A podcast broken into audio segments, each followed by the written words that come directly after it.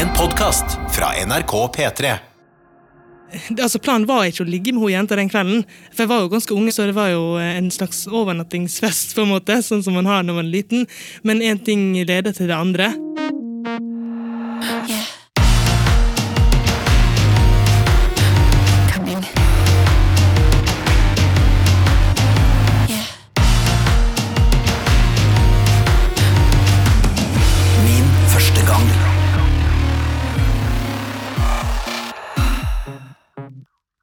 Jeg vokste opp i ei lita, lita bygd med 500 innbyggere.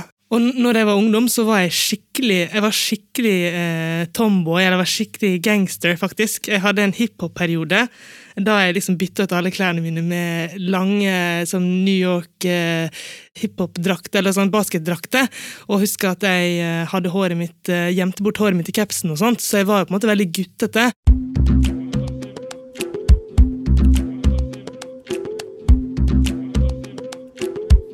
Å, komme ut som skeiv i den bygda var jo på en måte ikke så veldig sånn eh, enkelt, fordi det var jeg kjente ingen andre som var åpne homofile, og jeg visste egentlig ikke hva det var å være homofil, men når jeg først eh, fikk, når jeg, når jeg først skjønte hva det var, så var det veldig lett for meg å, å fortelle folk om det, fordi at jeg er heldigvis fra en veldig åpen og liberal familie og masse fine venner, så det var aldri et problem.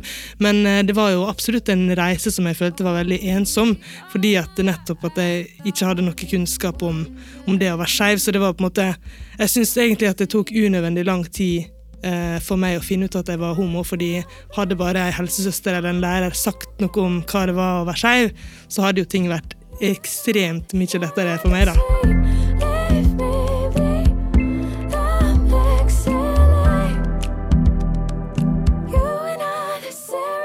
Jeg tror at For veldig mange så er jo seksualitet noe som kommer veldig gradvis. For meg så var det veldig sånn at eh, jeg eh, trodde at jeg først var forelska i gutter, fordi at alle snakker om å være forelska i gutter. Men jeg bare visste ikke helt liksom hva den følelsen av forelskelse er for noe. Jeg visste bare at det var noe man skulle være. Men jeg tror at jeg merka veldig fort at eh, jeg var litt for glad i kanskje noen av venninnene mine, eller kanskje en eh, vikarlærer, eller du vet den historien som alle forteller. Så jeg tror jeg merka det kanskje da jeg var allerede sånn sju-åtte. At jeg liksom eh, syntes eh, vikarlæreren var skikkelig søt, og så syntes ikke venninnene mine at hun var så søt som jeg syns. da. Så da, da skjønte jeg nok at eh, jeg kanskje tenkte litt annerledes enn eh, venninnene mine. da. Oh me, oh my, I thought it was a Jeg husker at jeg hadde tenkt veldig mange ganger på om jeg kunne like jenter på en litt nærmere måte enn bare vennskap. Mange, mange, mange ganger. Men jeg visste at det var, det var liksom i puberteten når folk begynner å ligge sammen og sånne ting, og utforske hverandre og seg sjøl og sånt. Og da husker jeg at eh, folk begynte å ha sex. Og så skjønte jeg liksom at ja, sex er noe folk liker veldig godt. ok. Eh, jeg tenkte på liksom sex sjøl og tenkte sånn hm, hvordan er det å ha sex med kompisen min? på en måte? Og jeg ble så kvalm. og tenkte sånn, åh, hvorfor er, altså Jeg skjønte bare ikke hvorfor sex var noe bra. Og så begynte jeg liksom å gruble og fundere på ja, men hva hvis det er sånn at jeg ikke vil ha sex med gutter. da? Ok, Kanskje, kanskje det er jenter på en måte liker på den måten. Så da var på en måte mitt mission ble jo da å finne ut av om ok, hvis jeg skal være sikker på om jeg liker jenter på den måten, så må jeg rett og slett ligge med en jente for å vite 110 at jeg er det, og da, først da kan jeg på en måte komme ut og fortelle verden at ok, nå vet jeg det, nå er jeg homo.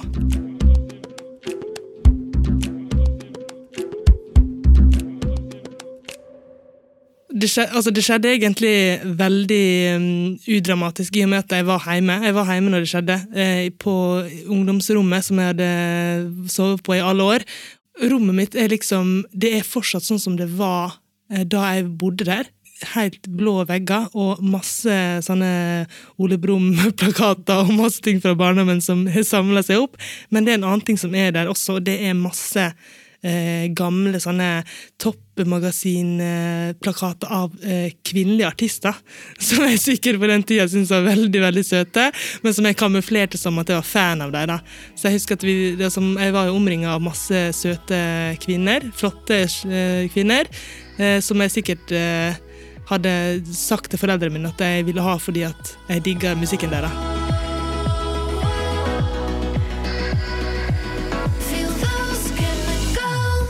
Første gang jeg skulle ha sex med en kvinne, da visste jeg ikke at jeg skulle ha sex. Eh, men da, det var egentlig en venninne som jeg var forelska i. Jeg var ikke helt ute av skapet. Jeg visste ikke, jeg visste ikke hun var skeiv, og visste ingenting. Eh, men hun skulle overnatte med meg. Selvfølgelig, det er der det skjer. Altså, Planen var ikke å ligge med hun jenta den kvelden, men én ting leder til det andre. Og det var naturlig å på en måte make a move den kvelden. Altså, Hun venninna mi var ordentlig på, og hun var skikkelig Og jeg, den dag i dag så er jeg sikker på at hun er litt sånn uh, bi-curious, fordi altså, hun har en mannekjæreste nå, vet jeg, men den gangen så følte jeg så innmari at hun flørta. Eh, fordi at hun var veldig fysisk søkende, og det var derfor jeg følte meg så trygg på å, å make a move også, og gi noe i det hele tatt. fordi at jeg hadde jo aldri turt å gi det her hvis jeg ikke følte at hun var trygg heller, eller at noe skulle skje.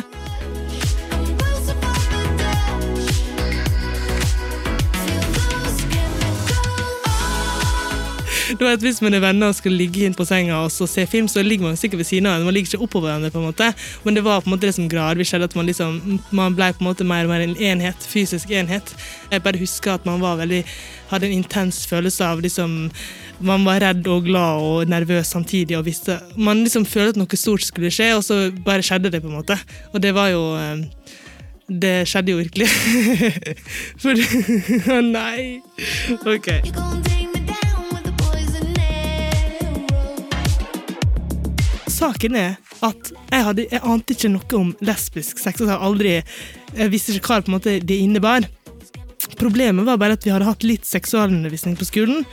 Så jeg hadde skjønt at eh, det vi hadde fått vite, var at eh, gutter må beskytte seg sjøl og ha på kondom. Eh, og da hadde vi tredd en kondom på en banan. Det var på en måte det vi hadde gjort da. Og jeg visste jo på en måte at eh, det var godt å være borti tissen, på en måte, men jeg skjønte ikke helt hva sammenhengen var med å ha sex med et annet menneske med den tissen. da. Så det jeg så for meg i mitt hode, var eh, at hvis du skal ha sex med en dame, så må det være noe som ligner på en penis der. Og jeg skjønte ikke helt hva som måte, eh, hva jeg skulle gi. For jeg tenkte ok, nå merker jeg at vi begynte å, at ting skjer, og kanskje vi skal ha sex, og wow, og hva, hva skal jeg gjøre nå? Jeg ante ikke. Altså, vi gjorde alt annet, men så tenkte jeg ok, i selve klimakset så må jeg på en måte komme fram med den penislignende greia, fordi at det var det jeg hadde blitt lært til på skolen. Så hadde jeg jo bare den referansen da, eh, til at vi hadde hatt et kondom på en banan. Og så tenkte jeg at eh, det kan jo hende at det funker, den er myk, det kan gå bra. Så da fant jeg eh, en banan eh, med skallet på. Det er så smart vei, men det var skallet på. Jeg skjønte at det er jo sikkert trygt.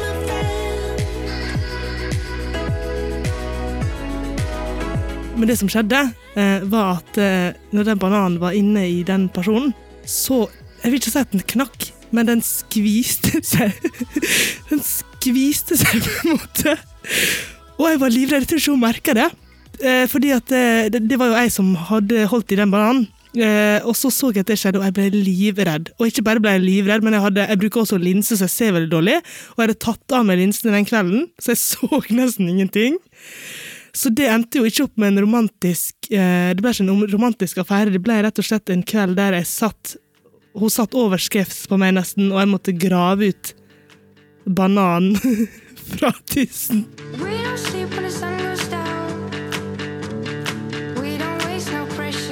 Og jeg tror det tok veldig lang tid før jeg turte å ha sex igjen, for jeg skjønte jeg. Jeg skjønte at jeg hadde gjort noe feil, men jeg forsto ikke helt hva.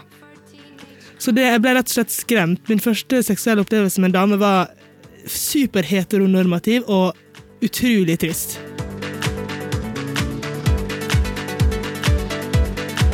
Det som jeg syns er utrolig trist egentlig i dag, og litt flaut og kleint og alt på en gang, er at vi snakker aldri, aldri om det igjen. Altså det var, det var liksom noe av det største som egentlig hadde skjedd i mitt liv, fordi jeg fant ut hvem jeg var, på et vis. Eh, men det var noe hun virkelig ikke Altså, jeg skjønte at dette skjedde fordi det skjedde, og fordi det skjedde der og da. Men ikke at det var noe som skulle hverken fortsette eller noe som vi kunne prate om. Fordi det var jo litt sånn, Vi hadde jo brutt en slags vennskapelig grense eh, den kvelden, og da tror jeg det ble bare rart. Og vi var såpass unge med at det føltes på en måte for voksent å skulle snakke om det. Så vi har aldri, aldri snakka om det igjen. Men det som er så rart, er at jeg mange år seinere gikk inn på en butikk et sted i Norge som er der hun er, vet hun er flytta. Eh, Jeg var der av andre, av andre grunner. Det var ikke for å stalke henne, men hun, eh, jeg møtte henne i kassa i en dagligvarebutikk. Helt plutselig. Og da sto det rett foran meg, og jeg fikk helt sjokk og tenkte Der er du! Liksom Hele min barndom sitter der i kassa. Så, men vi sa ingenting om det, sa høflig hei, og så gikk jeg, og så har vi aldri snakka igjen. Men jeg tror ikke det er pga. bananen, altså. Tusen takk til Katrine. En ny historie om seksuell debut får du om en uke. Min første gang er produsert av Rubicon for NRK. Produsent Ingrid Torjesen, research Ebba Skjølberg Eiring, lyddesign Viljar Losnegård og redaktør i NRK Jan Egil Odland. Har hørt en podkast fra NRK P3. Hør flere podkaster i appen NRK Radio.